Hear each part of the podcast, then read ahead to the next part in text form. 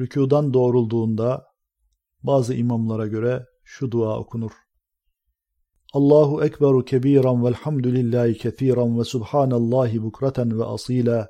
Allahümme Rabbena ve lekel hamd hamden kethiran tayyiben mübareken fih.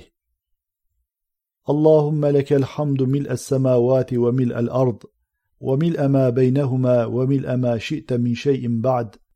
Ehlel mecdi ve thena أحق ما قال العبد وكلنا لك عبد لا مانع لما أعطيت ولا معطي لما منعت ولا ينفع ذا الجد منك الجد.